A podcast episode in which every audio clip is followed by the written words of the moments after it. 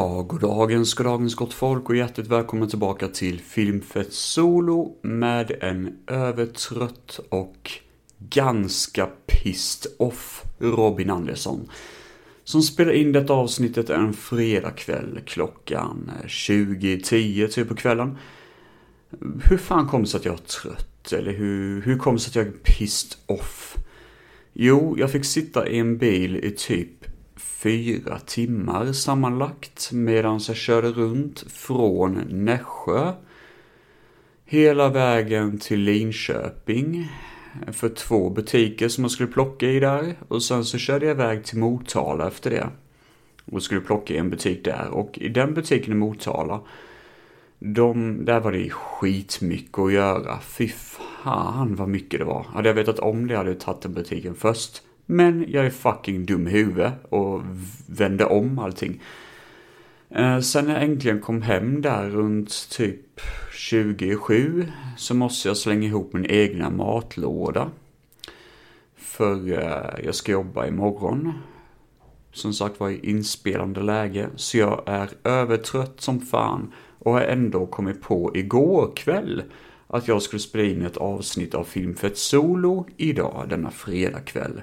Jag tänkte det blir perfekt. Har jag någonting att se fram emot? Ja, yeah, fucking right. Jag har typ hemorrojder i röven kan man säga för att jag har suttit så jävla länge i bilen. Och nu så sitter jag på en eh, väldigt dåligt värderad datastol som typ håller på att, eh, alltså sitter nästan på själva plattan kan man säga, där spikarna sitter kan man säga. Så den har ingen värdering längre. Så röven kom ju klaget och bara helvete. Plus att innan jag åkte från den sista butiken så var jag tvungen att gå på toa. Och det var ju, ja, det,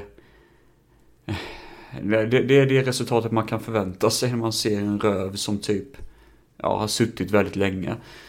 Förra avsnittet som spelade in i onsdags tror jag det var. Som var blandat med lite olika lösa filmer hit och dit. Det blev sådär. Jag märkte när jag spelade in att det var själlöst och tråkigt och torrt utav bara helvete. Och jag vill ha någon mer känsla av ärlighet. Och idag när jag spelade in detta avsnittet, då är det fan ärligt att fucking hell, jag är skittrött och jag vill bara dö för fem sekunder. Men skitsamma i det, vi ska köra dagens tema. Um, eller jag ska köra dagens tema för jag sitter själv i eten idag. Och idag så ska jag snacka om, det är inte bara rövar och ryggont, utan jag ska prata om um, Urban Warfare, kan man kalla det för, det här avsnittet. Olika filmer om olika personer som begår krigsaktion kan man säga i samhället av olika vaga anledningar, vanligtvis mot en stor eh, kriminell organisation eller något liknande. Det vill säga krig på gator och torg av personer som vanligtvis är typ före detta soldater eller whatever. Lite anti-Vietnam-stuk över det och lite grann we take the war to the street-attityd. Det finns ju hur jävla många filmer som helst inom detta temat. Men jag tänkte att jag skulle hugga tag i vissa av dem i alla fall. Så eh, vet ni vad, jag tycker vi sätter igång direkt med detta temat. Och uh, sätter våra små huggtänder i, ja vad fan är det, jag tror det är fyra stycken diverse filmer som jag kommer att prata om i dagens avsnitt. Till er tjänst. Ja, nu kör vi. You are not you. you are me. No shit. Lite diverse tips på temat innan vi sätter igång med det riktiga innehållet så att säga. Jag är inne på EMDB nu och eh, sökte på keywords Urban Warfare och eh, det dök upp jättemycket, tror jag i alla fall. Jag vet inte fan. Eh, det verkar vara en lång lista i alla fall. Men jag tänkte ändå ge lite exempel på det jag klassar mer som Urban Warfare. Och den första är då Red Dawn, Röd gryning. Ehm, som handlar typ om att eh, Sovjet invaderar USA och det är några ungdomar som försöker slåss mot Sovjet. Jag har faktiskt inte sett den filmen själv. Men Lia Thompson är tydligen med, Patrick Swayze är med. C. Thomas Howell, som är huvudrollen i Liftaren. Och Charlie Sheen. Så det är många kända eh, skådespelare som är med i den faktiskt. Eh, jag har inte sett den själv som sagt var, så det, jag, det är rätt dåligt att jag inte gjort det. Det är ändå Patrick Swayze och han är, han är typ huvudrollen för mig också. Jag för mig jag började för att läsa Röd gryning, själva boken då, men jag vet inte fan. Jag för mig den fick rätt mycket pris den också. Annars har vi, eh, nej det är väl mer krigsfilm egentligen. Enemy of the Gates, men jag tror det är en krigsfilm. Eh, generellt då. Vi ska se, scrolla ner lite grann här och kolla vad mer vi har. Ja, det här kanske är en helt värdelös lista för det var mycket skit jag inte kände till här. Ja, det var en helt värdelös lista. det var jättekul. Det var väldigt vag. Jag menar, fan vad dålig lista det här var. För det är typ sådana här, eh, 50% av dem har inte ens en, en framsida, liksom, eh, eh vad heter det, eh, framsidelogotyp eller något sånt. Glorious Wake, Vibrant Future typ. Man bara, vad fan är det? Documentary Short, 27 minuter. Nej, det, det var inte alls det. Av en regissör som heter Ab... Abhinav Shiv Tivari. Det var inte alls det jag trodde det skulle vara. Jag får, jag får söka vidare här och se uh, om jag hittar något mer. Ja, här hittar vi lite fler. Urban Combat uh, i och för sig mm, är ju nästa då sån här uh, keyword man kan söka på på IMDB. Death Wish 3, där har vi en stor film som är ganska klassisk. Jag har inte sett den själv, jag har inte sett någon av Death Wish tyvärr.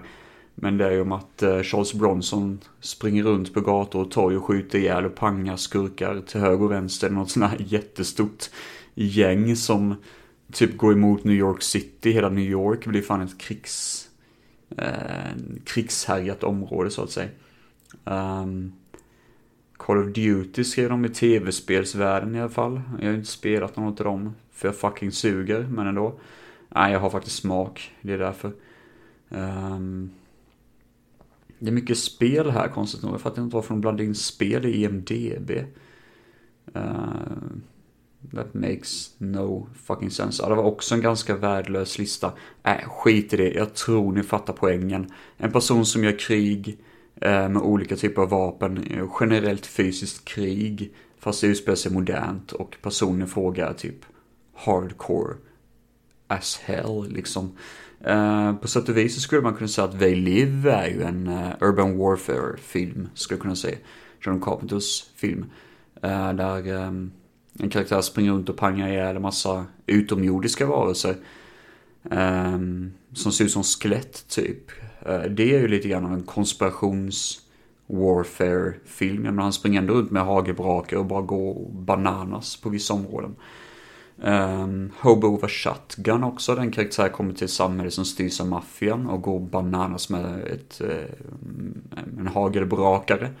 Eh, det är också en sån sak som skulle kunna klassas i alla fall tycker jag som Urban Warfare. Det är en typ av krigsfilm. Det blir ju väldigt mycket eld och kalabalik ju längre in i filmen man kommer. Um, men i alla fall, jag har väl fyra filmer egentligen och tänkte avhandla dagens avsnitt uh, generellt på det här temat. Så eh, jag tycker vi kickar igång direkt och sen så ska jag ranka såklart som vanligt då. Eh, vilken som är bäst och vilken som är sämst i rätt ordning. Men eh, Ja, nu kör vi. Once they were the problem. This is you. Your criminal past. They gave you to me. Now they are the solution. We clean out the park. Next come the streets. Now they're on our side. Let's take the man down.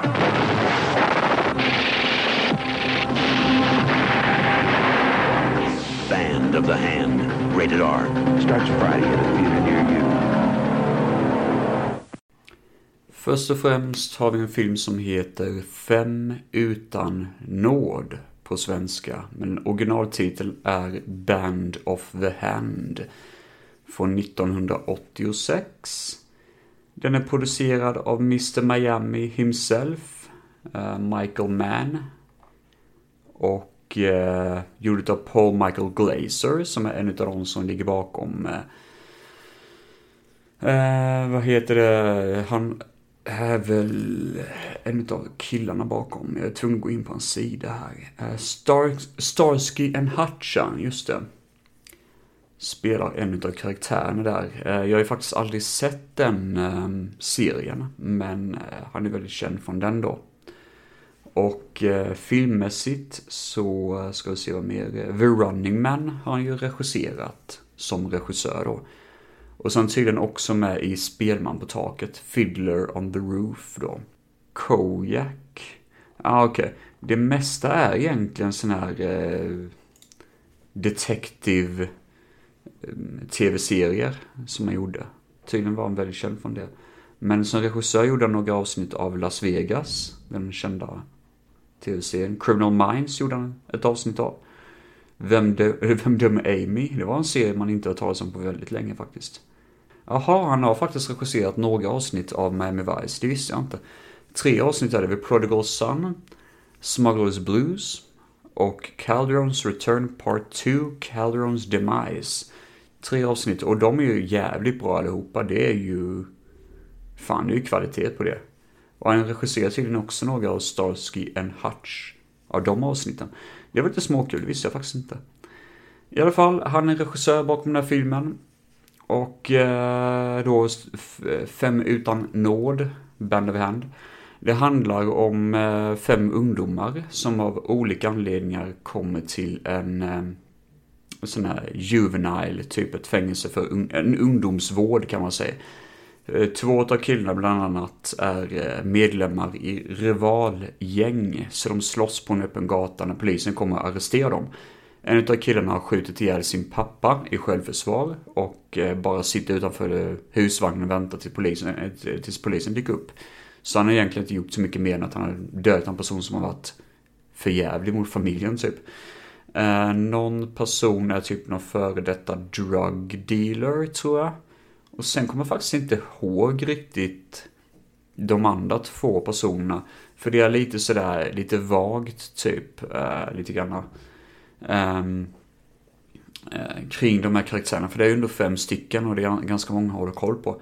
Men i alla fall, de kommer till en ungdomsanstalt, men så kastas de helt plötsligt in i en och samma rum. Och de fattar ingenting förrän de får kåpor över huvudet och förs ut till The Everglades, som är då eh, sån här eh, eh, sumpmark utanför Miami som används faktiskt i Miami Vice också. Det här eh, kända location-området, det vill säga sumpmark och träsk utav bara helvete.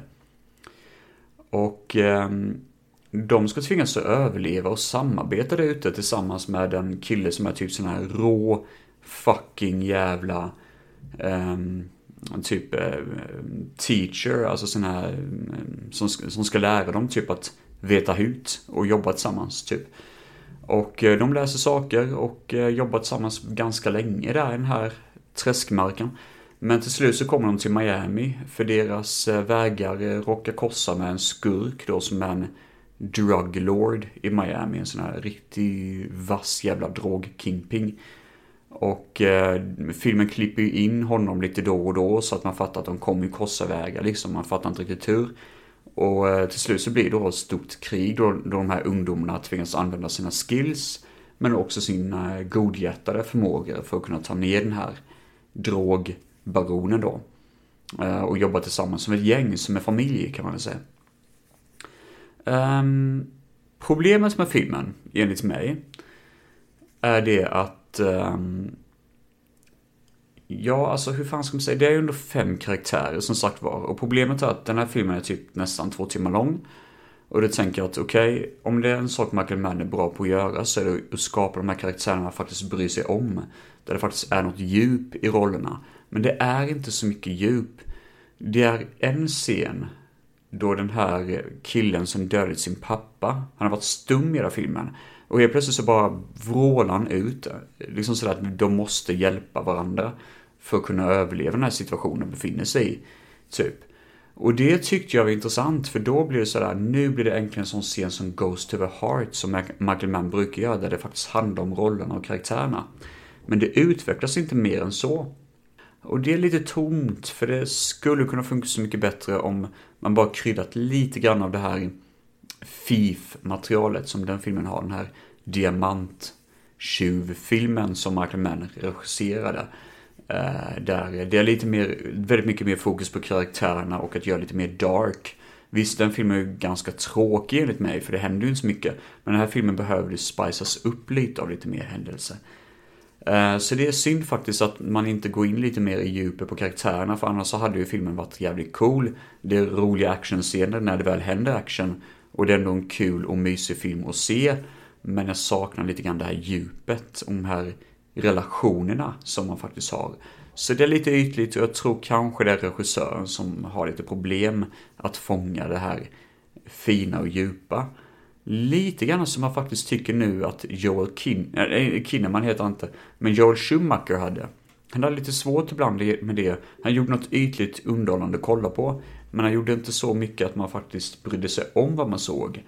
I 8 mm eh, som man såg för inte så länge sedan det är en kul film, men det är en väldigt ytlig film. Det är någon film där det känns som att det är ingen riktig själ.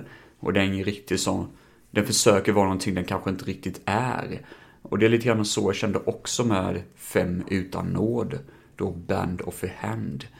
Och bear in mind, det här betyder inte att filmen är dålig, absolut inte. Jag menar, jag köpte den för ganska billig peng, typ 150 spänn och sånt kanske.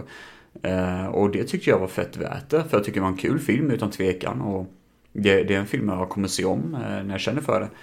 Eh, jag gillar ändå idén bakom det och det är många saker som funkar. Det är bara det att den når inte hela vägen fram för att kunna verkligen stå ut för mig. Så betygmässigt, om jag skulle landa på betyg så blir det nog 3,5 av 5, typ. Så det är nära att bli en 4 av 5, så det är ändå bra, det är det verkligen. Det kan eh, kanske till och med vara den bästa filmen jag sett nu eh, i dagens tema av Urban Warfare.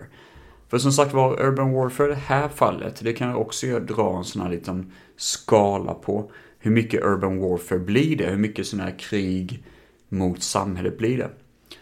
Jo, det blir ju en scen då de här grabbarna ska skydda en, eh, ett hotell som de håller på att rusta upp i Miami, som egentligen visar sig vara droggängtillhåll eh, för några bad guys.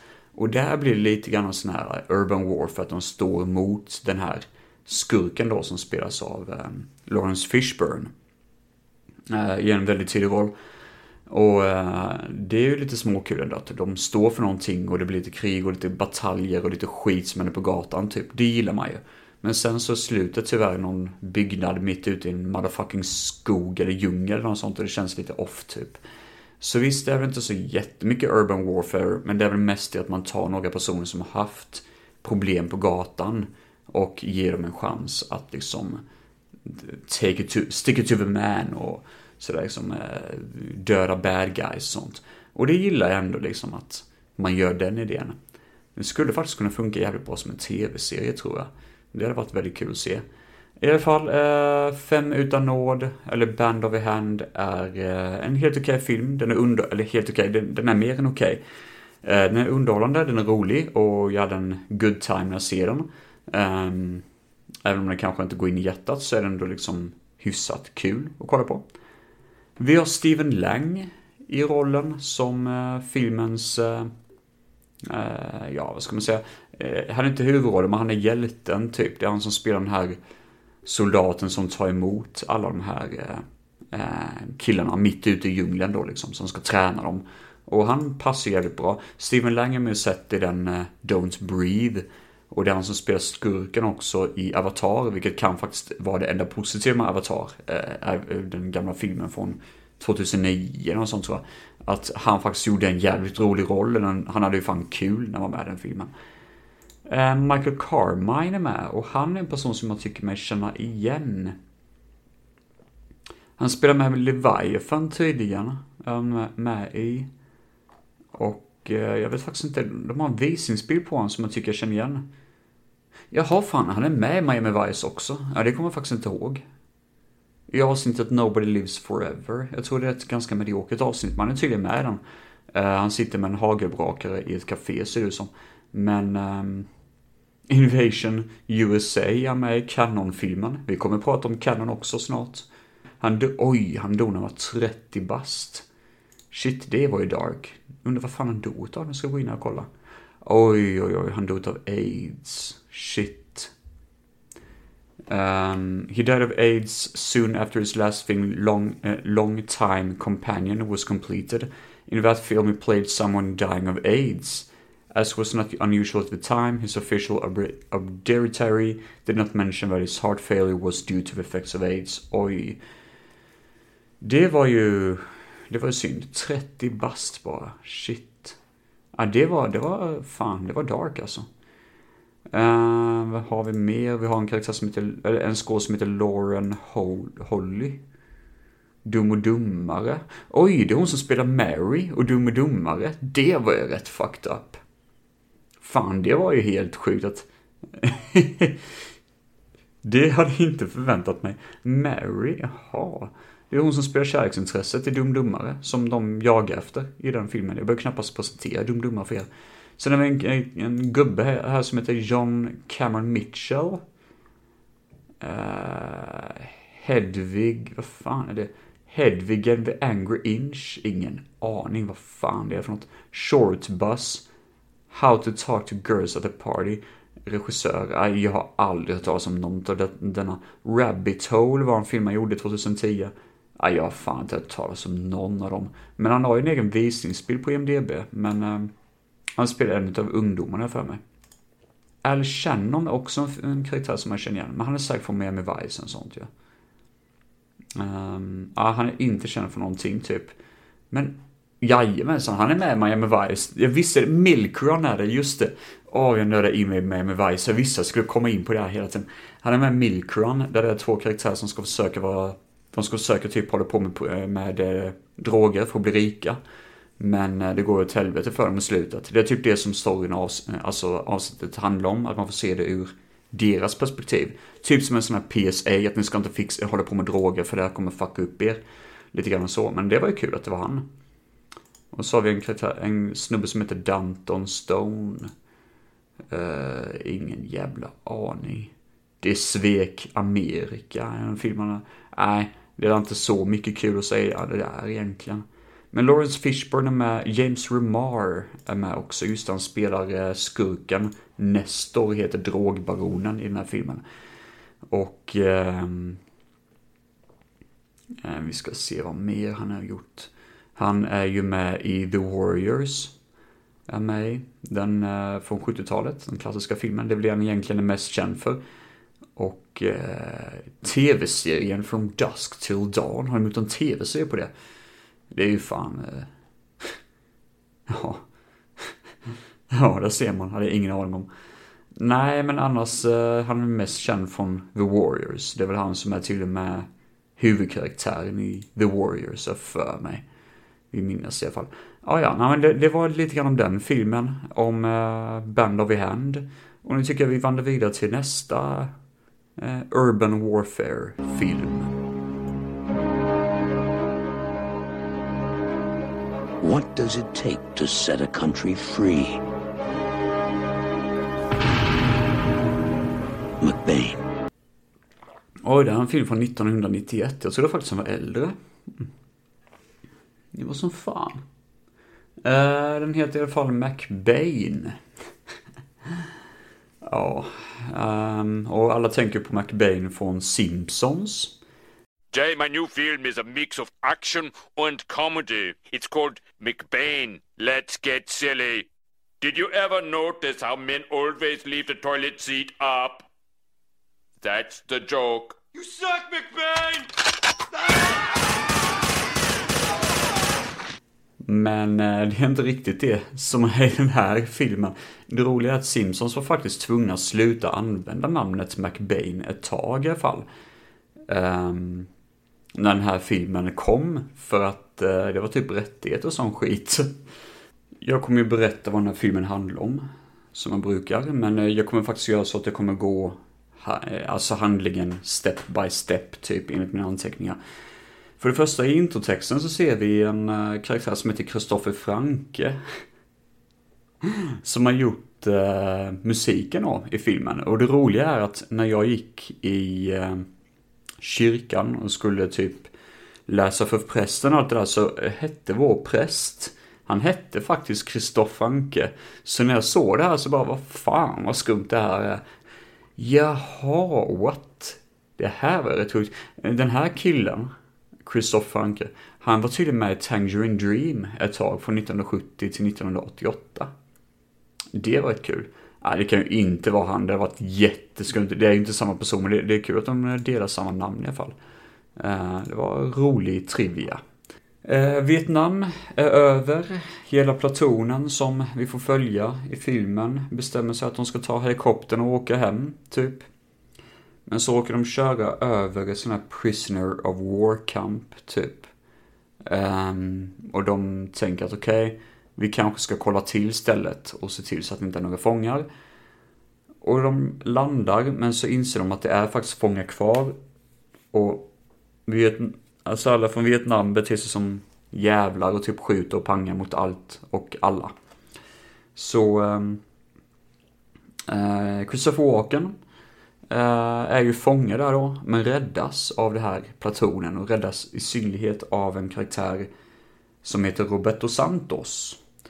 Och han räddas precis när han har en fistfight mot en, eh, eh, en av sina ja, fiender då, vietnameserna, jag måste säga, i en bambubur som ser ut lite grann som Thunderdome.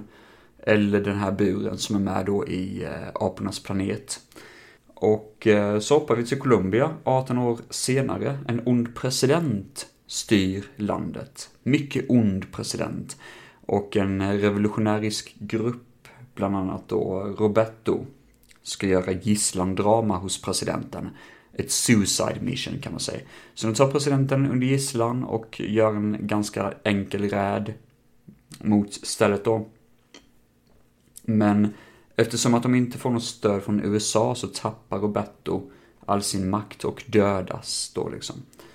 Ehm, um, var på Robertos syster som, jag ska se, för Maria Conchita Alonso heter hon.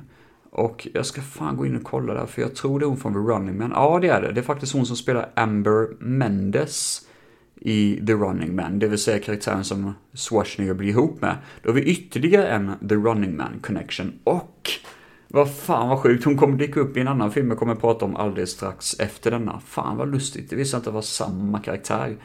Um, allt verkar connectas på något jävla vänster med The Running Man. Får se om den sista filmen jag ska prata om också connectas med den.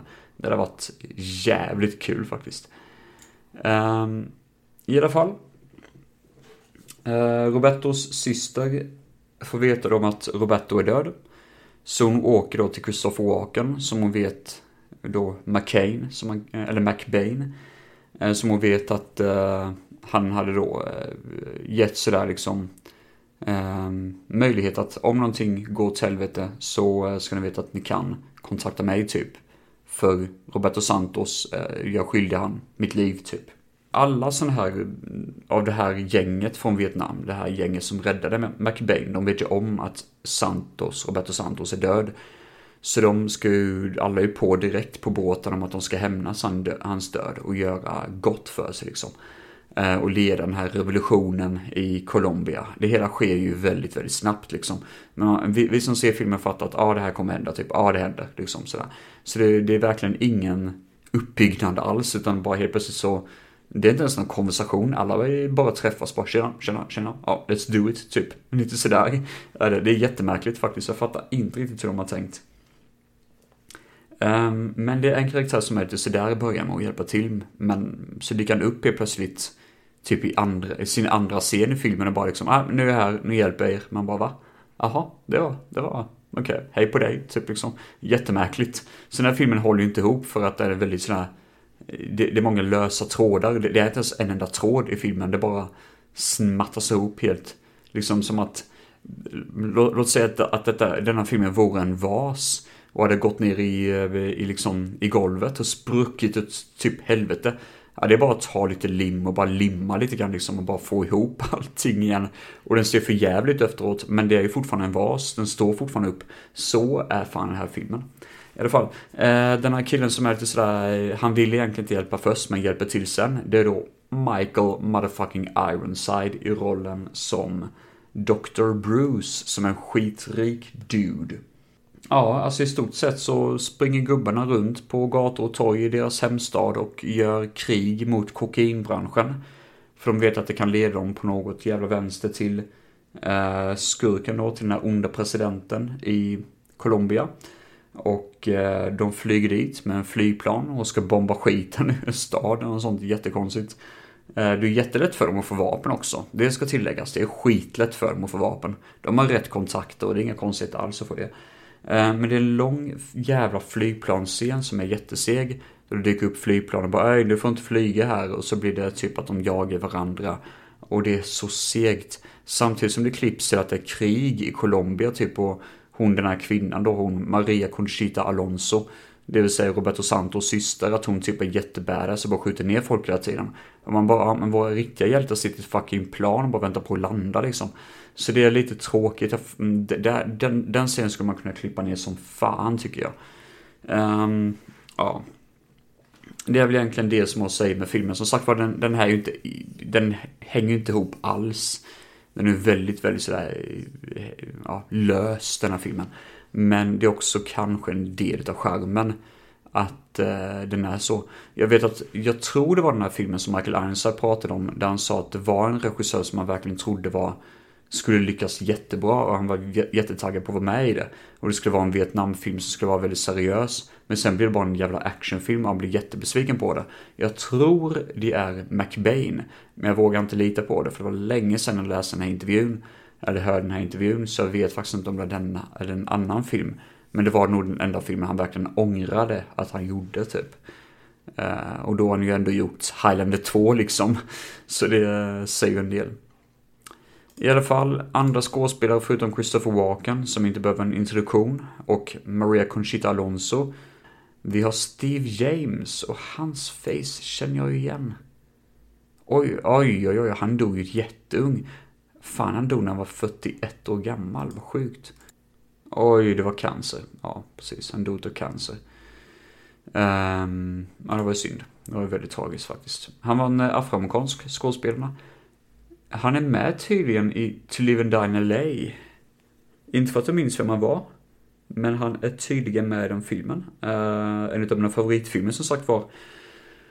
Också med i The Warriors med tydligen. Uh, från 79. Också The Warriors Connection, det är lite kul. And, uh, och just det, han är med i I'm gonna get you sucka. Som är en sån här uh, uh, Black exploitation film Där han spelar en karaktär som heter Kung Fu Joe ja den här, den här låter ju skitkul. Det är ju någonting man vill spana in liksom. Vilken connection det här är. Han är med i Delta Force och den filmen ska jag prata om också i dagens avsnitt. Fan vad kul att allt connectas på något vänster. Det var ju helt oväntat. oväntat. Utrotaren, vad heter, är det den Exterminator kan det vara? Ja, Ex The Exterminator. Den har jag sett på, eller sett på film för länge sedan i gymnasiet tror jag. Men jag tyckte den var så där. Förutom ett riktigt coolt omslag så tyckte jag inte filmen var så bra. Men det här är ju en sån hämndfilm som jag funderade på att prata om. Men jag minns den lite för för lite för att kunna komma ihåg den. Men han, han var med där, jag tror det var han, den karaktären som dog. En rollfigur som dör och sen en kille som ska försöka hämnas honom.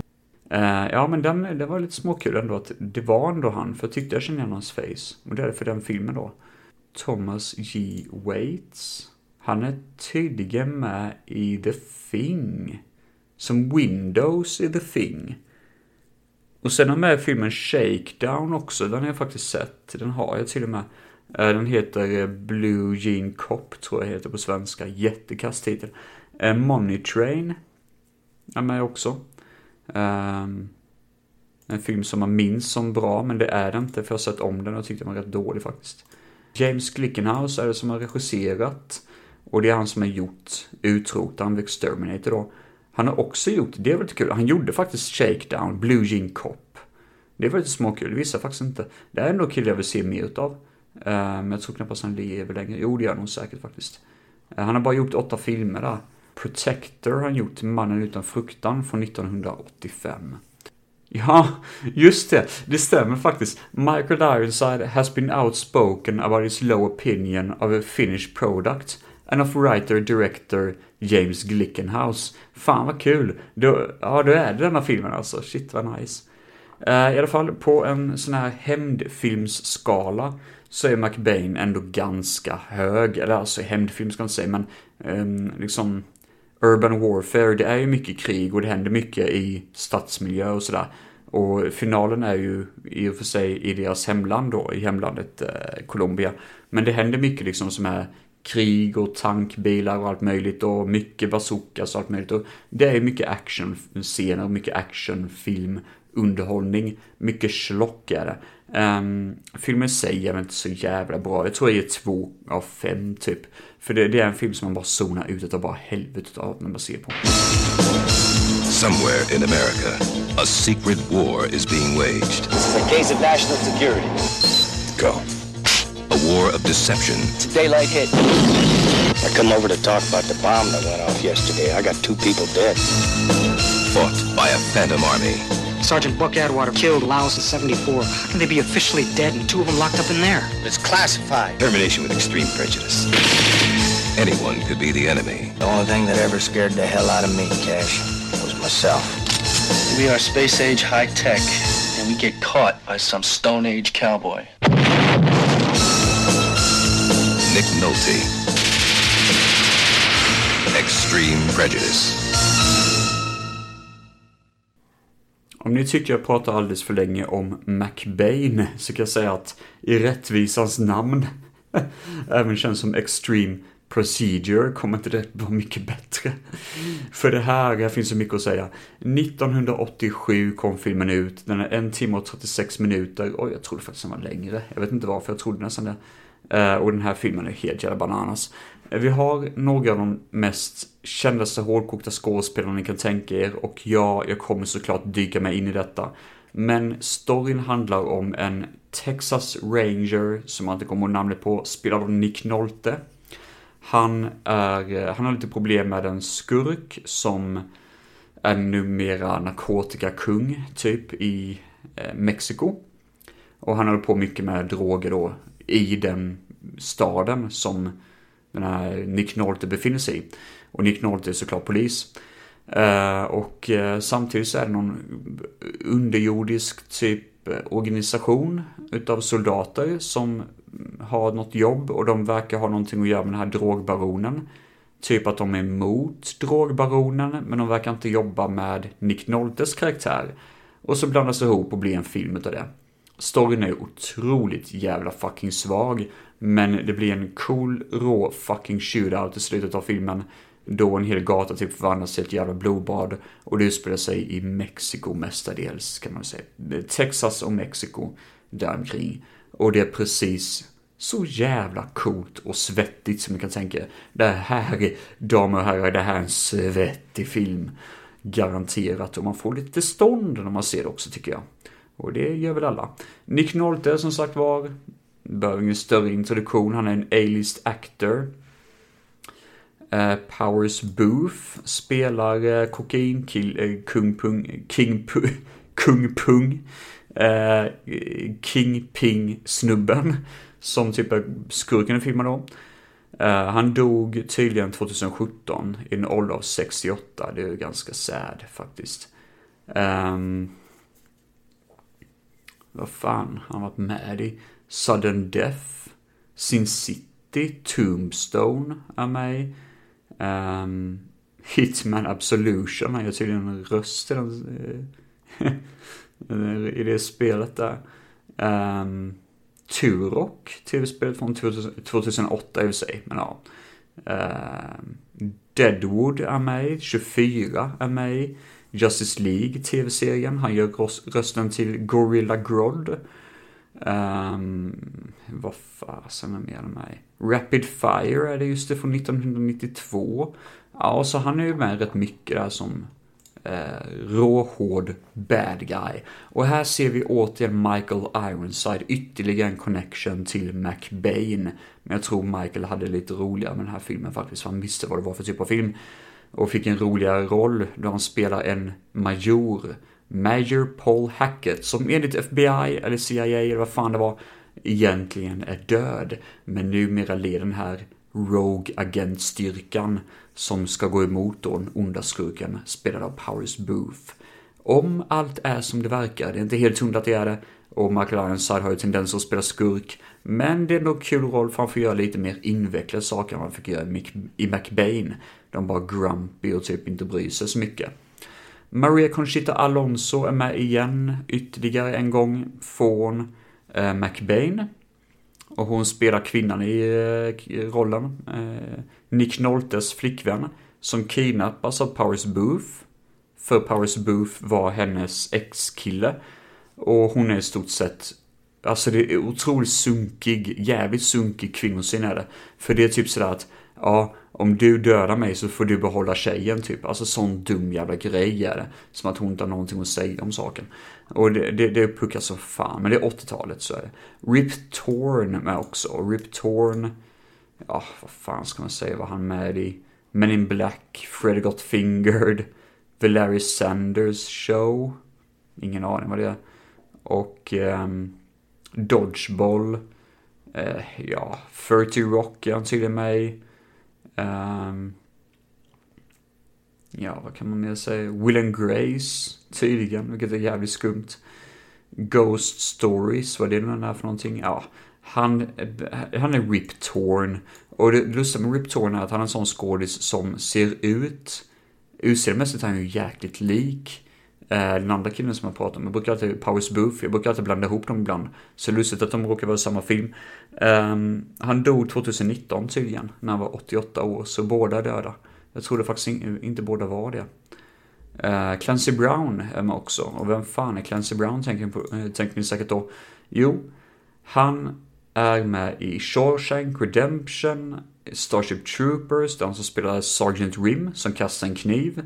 Han är tydligen med i For Ragnarök, jag kommer inte ihåg att han är med där. Jo, det är han som gör rösten till den här jävla djävulen som är med i början av filmen. Terror på Elm Street, eh, remaken, Until You May.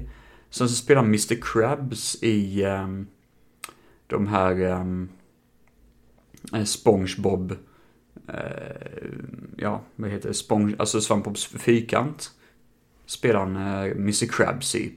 Så det är rätt kul, han är ju ganska känd som sån här röstskådespelare, bland annat också då i, eh, det är han som gör rösten till den onda eh, Neocortex i eh, eh, Crash Bandicoot-serien är det.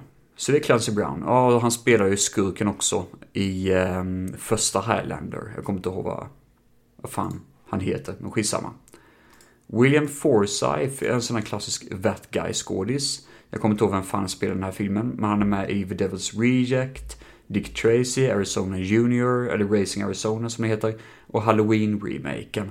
Men han är en sån that guy-skådis som man inte kan placera namn eller face på.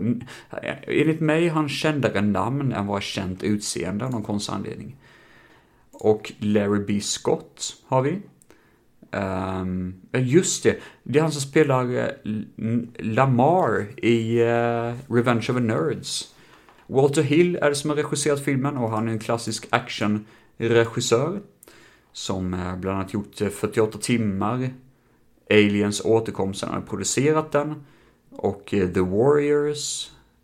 Jag för man gjorde The Warriors, så måste han ha gjort. Um, han, han har varit producent bakom mycket. Och regi bakom ganska mycket också. Deadwood, nej fast han gjorde bara ett avsnitt av den i och för sig. Um, Streets of Fire, fan han har gjort Streets of Fire kan man glömma att nämna den. Det är en av världens bästa filmer typ. Uh, ja men det här är en helt okej okay, underhållande film. Det är en rolig, eh, liksom ehm, thriller. Rolig action-thriller. Den är väldigt svettig. Karaktärerna svettas ju konstant i den här filmen. Och eh, ja, det är en film jag skulle rekommendera. Extreme Procedure. Ehm, um, 3 av 5 tycker jag. Stabil, underhållande, svettig, bra action, fläskig. Och eh, det är ändå bra urban warfare tycker jag. Det, det, det tycker jag ändå. Eh, det beror väl på om man ser Mexiko som urbant eller inte. Men det är ändå liksom hus och moderna bilar som kör runt och det är lite civil, civila människor och lite fighting på civila gator och sånt. Och det tycker man ändå om, så det är Extreme Procedure, eller Prejudice, det språk man uttalar det. Och introt minns jag var jävligt coolt med, för där ser man de här karaktärerna som är kända, de här liksom, eh, eh, de här eh, Ehm, personer som egentligen dog eh, enligt CIA, så ser man hur de träffas då på en eh, flygplats. Och så fort McLaren dyker upp typ liksom sådär, så är det en stämpel, och så ser man typ hans passport, eller eh, passkort, och så ser man då liksom um, deceased or missing in action, och sånt liksom. Och sen nästa skål som dyker upp, boom. Uh, Miles Tenham, uh, dead in action, missing in action. Och så dyker nästa person upp och så vidare. Och det, det är så kul klippt. Det är precis som att det vore sån här A-team nästan att man gör en freeze frame och visar vilket namn det är nästan på karaktären. Det tycker jag är skitnice. Och det sätter ju direkt mm, liksom stämpeln av att det här kommer vara kul att kolla på. I alla fall, det var det om Extreme Prejudice. Det var mycket info där också. Och då tycker jag vi kickar igång den sista filmen för dagens tema.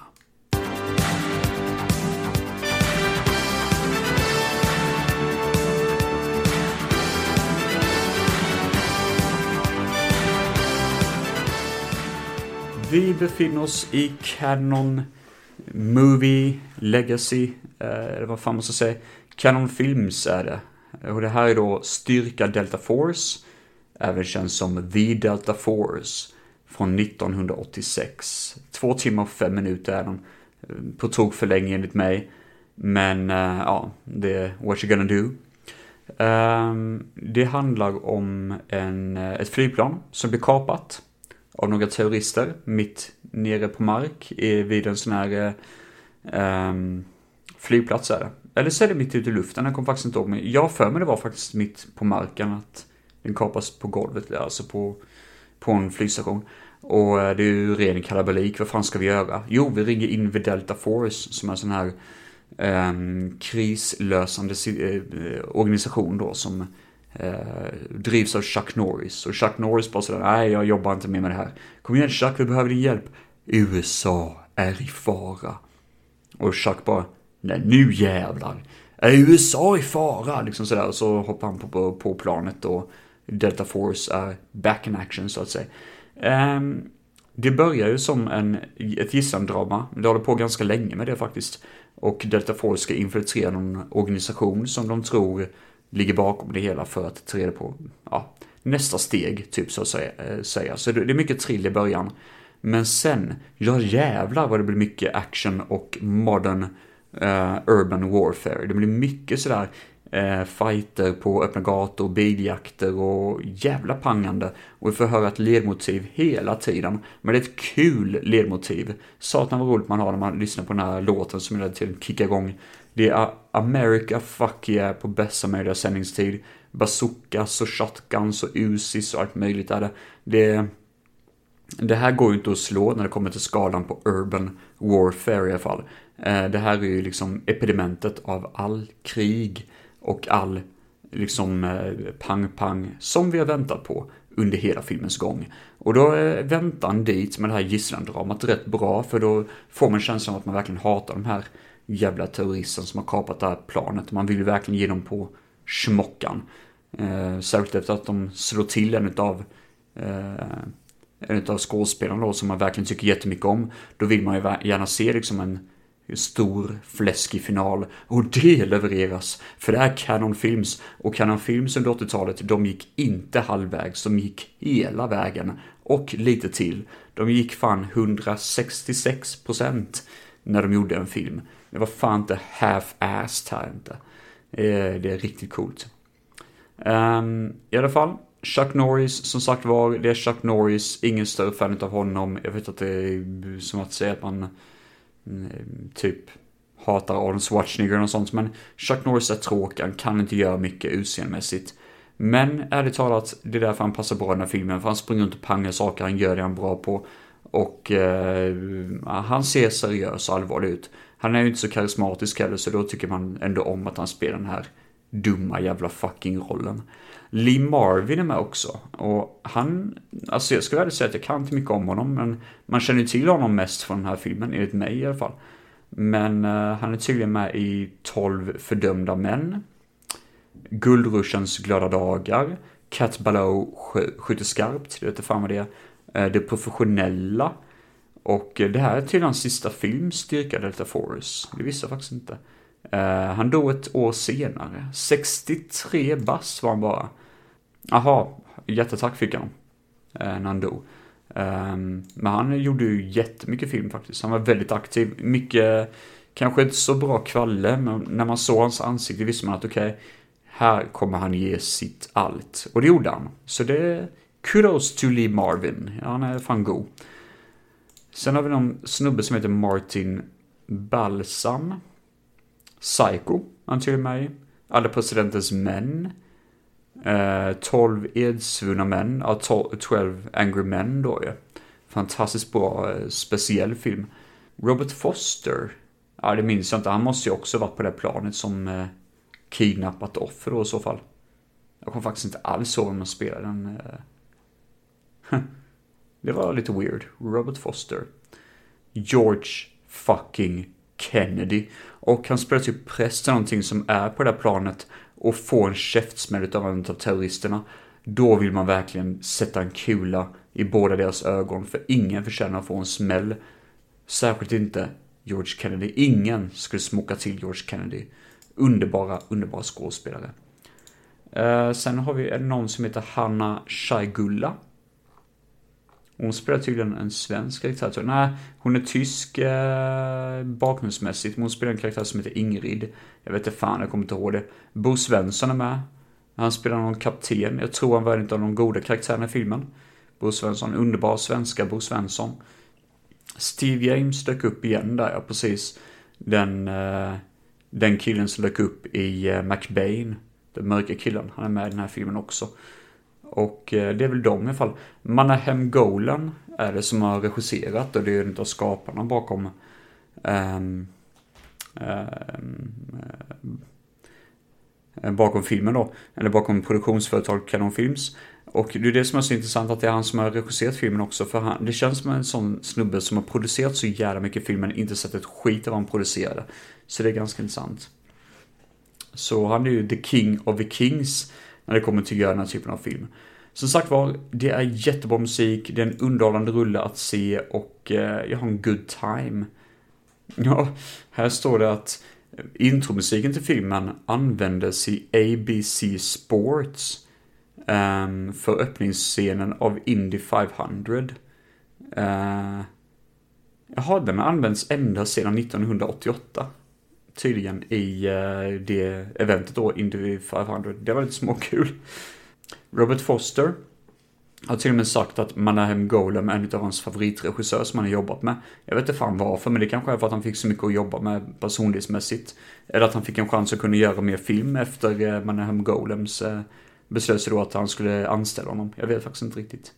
Nej, det finns väl egentligen inte så mycket mer att säga om den här filmen vad jag kan komma på just nu. Men det är en rolig och actionfylld film. Och det är gött som fan att se att eh, Chuck Norris kör runt på en eh, eh vapen, eh, vet du det, eh, liksom mm, packad eh, motorcykel med typ kärnvapen i stort sett som bara kan skjuta sönder vad fan som helst nästan. Det är så kul och så rogivande att se det. Det är en rolig scen som fan och eh, ja, överlag, det är en rolig film överlag att se. Så jag rekommenderar faktiskt att ge den en chans. Jag tycker nog Delta Force är kanske det mest passande i Urban Warfare-temat i alla fall. För den här filmen är, håller inte tillbaka för fem öre. Den är inte subtil någonstans. Och det är det man älskar med Canon Films. Ja jävlar, nu börjar jag bli ganska trött i skallen här. Jag känner att jag varit det på sista filmen som jag snackade om. Delta Force. Det känns också som att jag kommer klippa bort en jävla massa skit med, men... Eller så behåller jag hela pisset som det är, för ärligt talat, vem fan bryr sig? Men... Jag måste ju ranka från bäst till sämst. Och nu pratar kvalitetsmässigt. Um, alltså den som har mest Urban Warfare-tema i sig, det är ju Delta Force utan tvekan. Och Delta Force får typ 3 av 5 av mig. Jag tycker inte den är så bra att den får 4, men 3 av 5 får den av mig. Um, så den hör mest Urban Warfare utan tvekan med gator och torg och bomber, explo eh, granater, explosioner överallt och sånt. Den som har minst Urban Warfare, det är nog ändå Band of a Hand tycker jag, för den var inte så jättemycket krig på gator och torg och så. Men då ska vi gå igenom vilka som kvalitetsmässigt är sämst och vilka som är bäst då. Och den som är sämst av alla dessa, jag får nog ändå säga McBain, tycker jag. Jag tycker den är, den, den är kul att kolla på. Den är verkligen inte tråkig. Men efter typ eh, ett tag, särskilt mot slutet, så känns det som att den tappar väldigt mycket av grejen är med filmen. Och är det ens en grej med filmen, det vet jag inte. Men det är liksom bara en dum actionfilm i slutändan. Och det är inget fel med det. Men det är ändå liksom, det, jag fattade i början att det var inte tänkt att det skulle vara så. Och den tappar lite bollen, typ. Uh, sen har jag ändå respekten för vad Ironside sa om att han tyckte den här filmen var skräp, typ liksom. Det är lite småkul. Och intressant. Uh, på andra plats då, över bästa film i den här kollektionen. Um, eller sämsta får vi säga. Det är nog ändå Extreme uh, pre pre Procedure. Jag tror faktiskt det är den sämsta. Um, och, eller sämsta ska jag inte säga, alltså nästa på, på, på listan. Eller ja. Jo, det är nog faktiskt, det är svårt att säga, det står mellan den och Delta Force egentligen. Men Extreme Procedure är jävligt cool, den är jättekul och den har många roliga roller och så. Och det är en rolig film att kolla på utan tvekan. Och den är väldigt, väldigt svettig, det är den faktiskt. Men jag vet inte, jag saknar väl ändå lite grann den stämpel som gör att Delta Force är lite, lite bättre. För jag tycker Delta Force är bättre än Extreme Procedure. Anledningen bakom det är väl mestadels att det är bara en sån film som går lite balls out bananas och går lite längre än vad Extreme Procedure gör. Och det blir ju inte... Ja, alltså nu, nu när jag tänker efter, det, det blir lite roligare att se Delta Force på sätt och vis för att den har så många bananas och roliga scener. Extreme Procedure är kul mestadels om man gillar skådespelarna. Och om man gillar ändå själva, om man verkligen gillar action-thrillers. Annars är Delta Force typ för vem som helst nästan, som vill se en eh, jävligt puckad 80-talsfilm. Eh, Best of a Bunch är ändå Band of Hand.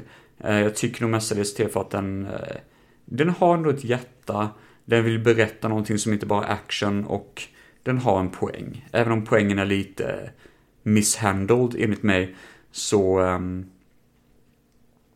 så tycker jag ändå att den, den är kul. Den är go och har hjärtat på rätt ställe och fungerar lite roligt. Jag, jag tror det är mer garanterat att man har en god fredagsstund med den filmen än vad man har med Delta Force och Extreme eh, Procedure.